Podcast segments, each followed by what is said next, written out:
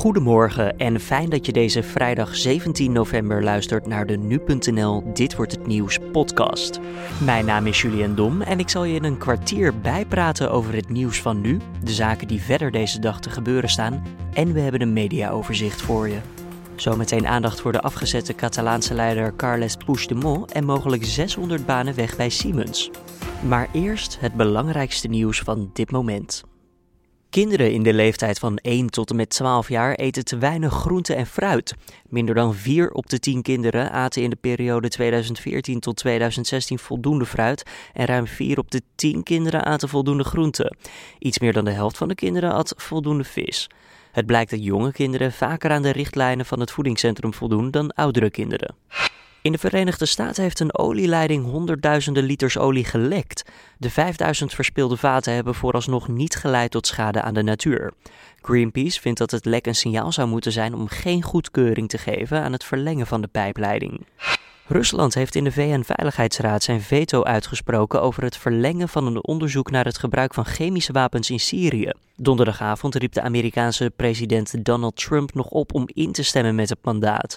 Het Syrische leger en bondgenoot Rusland zeggen dat de destijds gebruikte chemische wapens afkomstig waren van de rebellen. Dan kijken we naar de nieuwsagenda van deze vrijdag 17 november. De Raadkamer in Brussel komt vandaag bijeen om zich te buigen over de vraag of de afgezette Catalaanse leider Carles Puigdemont uitgeleverd kan worden aan Spanje. Nu.nl-redacteur Lisa Titawano sprak hierover met Cedric Rijngaard, hoogleraar internationaal recht aan de Universiteit Utrecht, en vroeg hem waarom het zo lang duurt voordat er een beslissing wordt genomen over de uitlevering. Wel, ik kan niet in het hoofd van het OM kijken natuurlijk, maar kennelijk wil het OM de maximale tijd gebruiken die de wet voorziet, en dat is 15 dagen. En die 15 dagen, uh, die termijn die verstrijkt aanstaande maandag pas. Dus op maandag de laatste zou de beslissing genomen moeten worden. Ik begrijp wel dat de betrokkenen vandaag vrijdag voor de raadkamer verschijnen. Nu gelet op de politieke gevoeligheid, de complexiteit van de zaak, uh, volgt de beslissing van de raadkamer zelf dan wellicht pas op, op maandag. Hè. Dat is geen um, alledaagse zaak uiteraard. Nu, als die termijn wordt overschreden, is de enige sanctie overigens uh, enkel de um, invrijheidstelling van de betrokkenen. Maar goed, dat is een sanctie die hier niet uh, echt kan worden opgelegd, omdat zij al in vrijheid zijn op basis van een beslissing van de onderzoeksrechter van twee weken geleden. Ja. En, en uh, nou hebben verschillende Vlaamse nationalisten eerder hun sympathie voor de Catalaanse zaak uitgesproken. Speelt dit ook een rol bij de beslissing die de Raadkamer moet nemen? In principe niet. De, de, de rechtspraak functioneert onafhankelijk. Het is een scheiding der machten, de trias politica. Maar je kan natuurlijk nooit uitsluiten dat bepaalde rechters Vlaams nationalistische sympathieën hebben. Maar in principe mag zich dat niet manifesteren in, ja, in de beslissing die zal worden genomen. Die is op basis van het recht, op basis van de wet moet die worden genomen. En eh, stel de, de Brusselse Raadkamer besluit dat uh, Puigdemont uitgeleefd kan worden. Wat kan hij uh, dan nog doen? Nou, zijn advocaat kan een beroep aantekenen bij wat men in België noemt de Kamer van Inbeschuldigingsstelling. Dat is eigenlijk een deel van het Hof van Beroep. En binnen 15 dagen moet die Kamer, dus uh, dat Hof, een beslissing nemen. En dan kan nogmaals beroep worden aangetekend bij het Hof van Cassatie, dat is de Belgische Hoge Raad. En dat Hof heeft dan opnieuw 15 dagen. De wet zegt dat uh, in elk geval uh, binnen 60 dagen dat aanhoudingsbevel moet worden ten uitvoer gelegd. Maar als dat niet lukt, kunnen er nog eens 30 dagen bijkomen. En als dat ook niet lukt, um, dan kan uh, het OM Eurojust in Den Haag daarvan in kennis stellen. En dan moet hij de reden van vertraging opgeven. Dus eigenlijk kan die termijn ook overschreden worden. Het is niet helemaal zeker dus dat hij voor de verkiezing op 21 december uh, effectief zal worden uitgeleverd. Indien uiteraard uh, de rechters tot die, die beslissing overgaan. En, en op welke grond zou zijn advocaat uh, nog beroep aan kunnen tekenen? Ja, goed. Ik, ik denk dat het vooral gaat om de fundamentele rechten. Hè. Dat, dat lijkt me toch het argument te zijn dat zal worden ontwikkeld. Dus ook voor de raadkamer wordt gezegd dat Puigdemont zijn fundamentele rechten, met name recht op een eerlijk proces, uh, zullen worden geschonden uh, in Spanje. Dus ik denk dat dat ook de insteek uh, zal zijn. Mogelijk zal er ook gepraat worden over de dubbele strafbaarstelling, want het feit moet ook in België als zodanig strafbaar zijn. Dus misschien wordt daar ook nog iets over gezegd dat opruiing als zodanig geen misdrijf is in België. En dus op basis daarvan kan hij niet worden uitgeleverd. Maar het, het, het, het, basisargument is echt wel ja, de, um, de niet eerlijke rechtsgang die Puigdemont riskeert in Spanje. Ja, en is dat een, een sterk argument? Ja, moeilijk te zeggen. Het is natuurlijk wel een, een verplichte weigeringsgrond op basis van de wet. Dus indien zijn rechten inderdaad um, dreigen geschonden te worden, dan mag België hem zelfs niet uitleveren op basis van de wet. Maar ja, de vraag is of er uh, wel aanwijzingen zijn dat Puigdemont geen eerlijk proces zal krijgen. Ik zie dat niet meteen. Het lijkt me toch echt een uh, gevecht bergop uh, voor de advocaten. En rechters zijn normaal ook huiverig om het rechtssysteem in een ander land te bekritiseren. Dus dat Belgische rechters kritiek gaan uiten op de eerlijke rechtsgang in Spanje. Dat ik nog niet heel vlug gebeuren, want dan krijgen ze toch ook vrij snel een label opgeplakt dat ze een politiek oordeel vellen. Dus ik denk dat ze daar redelijk afkerig voor zullen zijn. En stel de, de raadkamer in Brussel beslist dat uh, Puigdemont niet uitgeleverd mag worden. Wat betekent dat dan voor zijn zaak in Spanje? Ja, als hij niet wordt uitgeleverd, ja, dan kan hij natuurlijk blijven. Um, in, uh, in, in België. Het is uh, niet zo uh, dat men buiten die samenwerkingsverbanden om zomaar Puigdemont kan komen arresteren. Dat een, een, geheime missie Puigdemont gaat wegtoveren uit België. Dat kan natuurlijk niet. Dat zou een schending van de Belgische soevereiniteit zijn.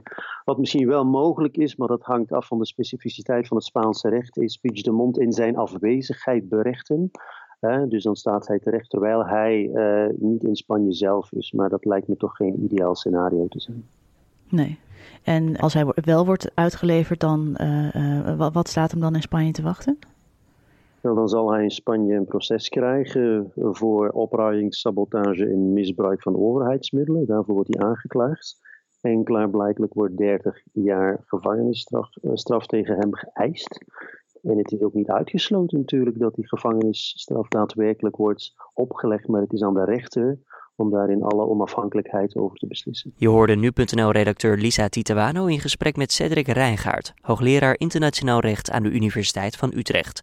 De laatste ontwikkelingen over deze zaak zijn uiteraard te volgen vandaag op nu.nl.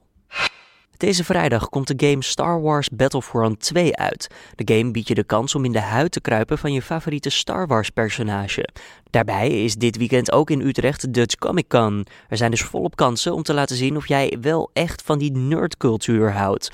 Een van de manieren om dit te tonen en liefde voor een serie of film uit te dragen is cosplay. Collega Carne van der Brink belde met Star Wars cosplayer Daisy van Dutch Garrison met de vraag wat het nou eigenlijk is. Op alle mogelijke manieren met alle mogelijke materialen die je voorhanden hebt. Een kostuum van een film, een game uh, comic namaakt. Ja. En daar heb je beurzen voor. Uh, Comic-cons heten ze vaak. En daar kom je allerlei verschillende mensen tegen die allemaal dezelfde soort hobby hebben. En dat is echt superleuk. Want, want waar zit voor jou dan die charme in? Wat, wat trekt jou zo heel erg aan om dan de helemaal te verkleden naar welke personage? Uh, mijn laatste kostuum was Lana Benico van uh, Star Wars, uh, Knights of the Old Republic. Die kent ze niet, inderdaad. Ja.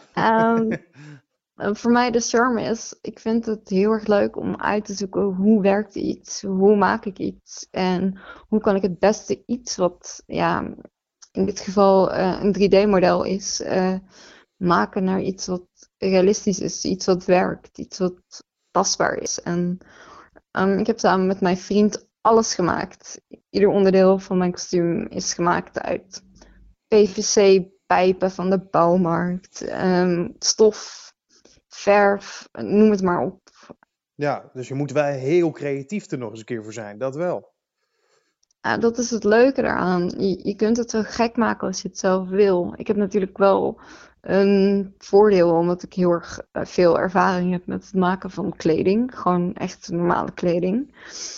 Uh, dus vandaar, eh, vanuit ja, dat oogpunt ben ik ook een beetje cosplay gaan doen. Klinkt goed inderdaad. Maar voor mensen die, ik zei net al, ja, wat houdt cosplay nou in? Mensen die nu zeggen, oh, dat, dat klinkt heel tof, klinkt heel interessant.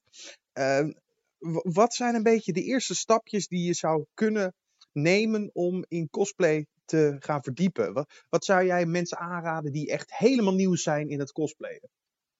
doe veel research. Er is echt superveel te vinden op internet. Ehm, er zijn heel veel mensen die hele goede videotutorials maken.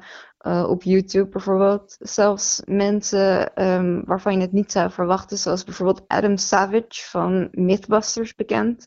Als degene die altijd heel enthousiast alles op wil blazen. Die heeft zelf ook um, hele gave tutorials op internet staan, want het is natuurlijk een plakmaker geweest altijd. Um, er zijn van allerlei dingen die je kunt doen. Maar echt, internet is gewoon een wereld van informatie op wat voor gebied dan ook. Je hoorde Daisy van Star Wars fanclub Dutch Garrison. En wil je je eventueel aansluiten bij deze club? Surf dan gewoon eventjes naar 501st.nl. De Interlands zijn weer achter de rug. Dat betekent dat het weer tijd is voor de eredivisie.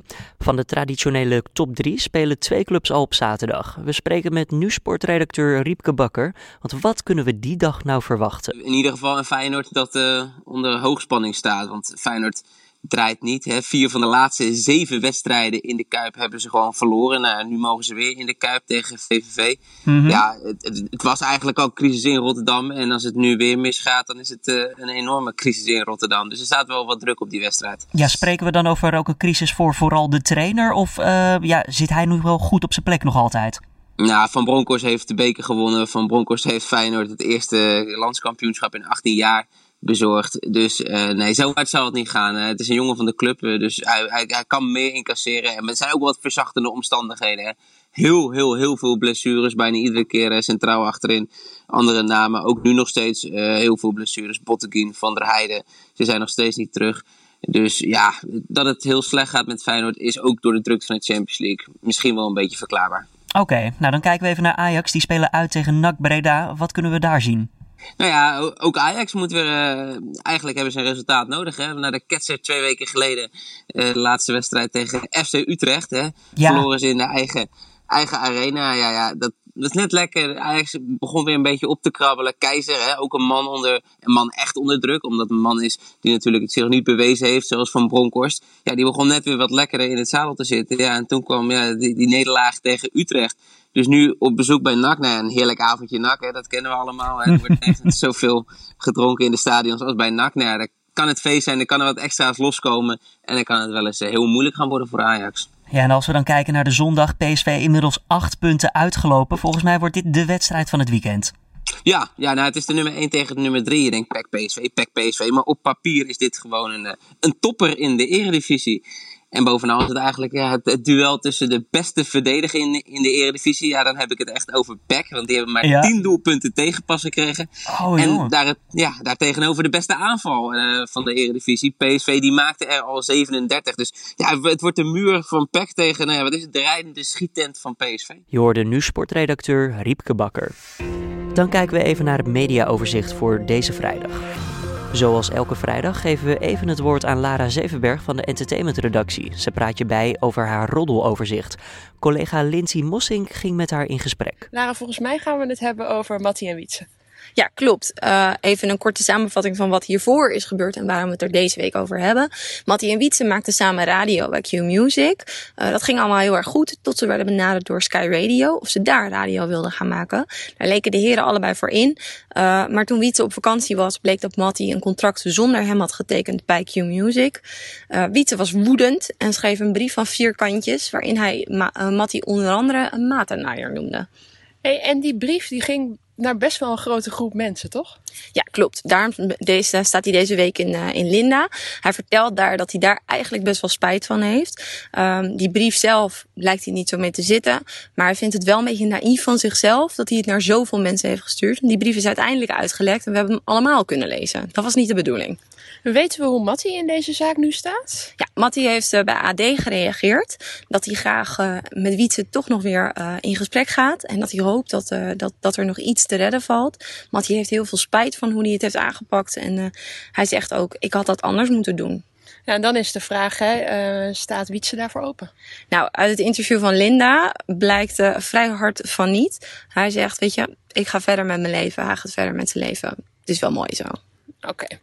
Uh, verder in het roddeloverzicht deze week? Uh, ik heb het ook nog over Bridget Maasland. Die heeft uh, weer een iets jongere vriend aan de haak geslagen. en hij vertelt dat hij in eerste instantie ook dacht dat Bridget een ijskonijn is. Wil je dus ook meer weten over het mogelijke ijskonijn Bridget Maasland? Kijk dan zeker even naar het roddeloverzicht van Lara Zevenberg op nu.nl. Siemens sluit mogelijk haar vestiging in Hengelo. Daardoor zouden 600 mensen hun baan verliezen, meldt RTV Oost. Wereldwijd schrapt Siemens 6900 banen, waarvan 6100 banen vandaan komen bij de energie- en gastak. Daaronder valt ook de vestiging in Hengelo. De lage olieprijs zou de boosdoener zijn. Daardoor is de markt voor olie- en gaswinning namelijk erg verkleind. Dat zorgt op zijn beurt weer voor minder vraag naar compressoren en gasturbines die in Hengelo gemaakt worden. Het personeel wordt om 10 uur bijgepraat in de Grolsvesten in Enschede. Het ministerie van Defensie gaat dit jaar nog flink investeren in materiaal en mensen voor het leger, dat schrijft de Telegraaf. Er worden direct miljoenen vrijgemaakt voor onder meer transport en het onschadelijk maken van bommen. Daarnaast krijgt de luchtmacht binnenkort vier onbemande verkenningsvliegtuigen die 40 miljoen euro per stuk zouden kosten. Deze vrijdag komt waarschijnlijk ook naar buiten dat minister Ank Bijleveld 400 miljoen extra krijgt voor de begroting van komend jaar. MBO-opleidingen sluiten niet altijd aan op de arbeidsmarkt, daarover schrijft het AD. Ze baseren zich op een rapport van de Sociaal-Economische Raad. Veel bedrijven willen graag nieuw personeel aannemen, maar vinden niet altijd werknemers met de juiste kwalificaties. Daarom moeten scholen en het bedrijfsleven beter met elkaar samenwerken. Dan even het weer voor deze vrijdag. Er is vandaag zo nu en dan zon, met vooral in het noorden ook een buitje. Het wordt 9 graden bij een zwakke tot matige noordwestenwind. In het weekend vallen er meer buien, vooral zaterdag kunnen er een paar stevige vallen. Het wordt dan zo'n 7 tot 9 graden bij matige tot vrij krachtige noordwestenwind. En voordat we stoppen, nog eventjes dit. Het management van de Japanse Tsubuka Express treinverbinding richting Tokio heeft daar excuses aangeboden voor het te vroeg laten vertrekken van een van de treinen. Ja, de trein die vertrok 20 seconden eerder dan gepland door een fout van de conducteur, al dus het bedrijf. Mensen die de trein daardoor gemist hadden, hoefden echter niet heel lang te wachten. Vier minuten later kwam de volgende trein al aanrijden. Japan staat wereldwijd bekend om het stipte openbaar vervoer. Vertraging lijkt er maar weinig voor te komen en excuses leken daarom volgens het bedrijf de enige juiste oplossing. Dit was dan de Dit wordt het nieuws podcast voor deze vrijdag 17 november. De Dit wordt het nieuws podcast is elke maandag tot en met vrijdag te vinden op nu.nl om 6 uur ochtends. Laat ook een recensie achter op iTunes of op SoundCloud en we staan natuurlijk altijd open voor feedback. Stuur gewoon een mail naar redactieapenstaartje nu.nl. Voor nu een goed weekend.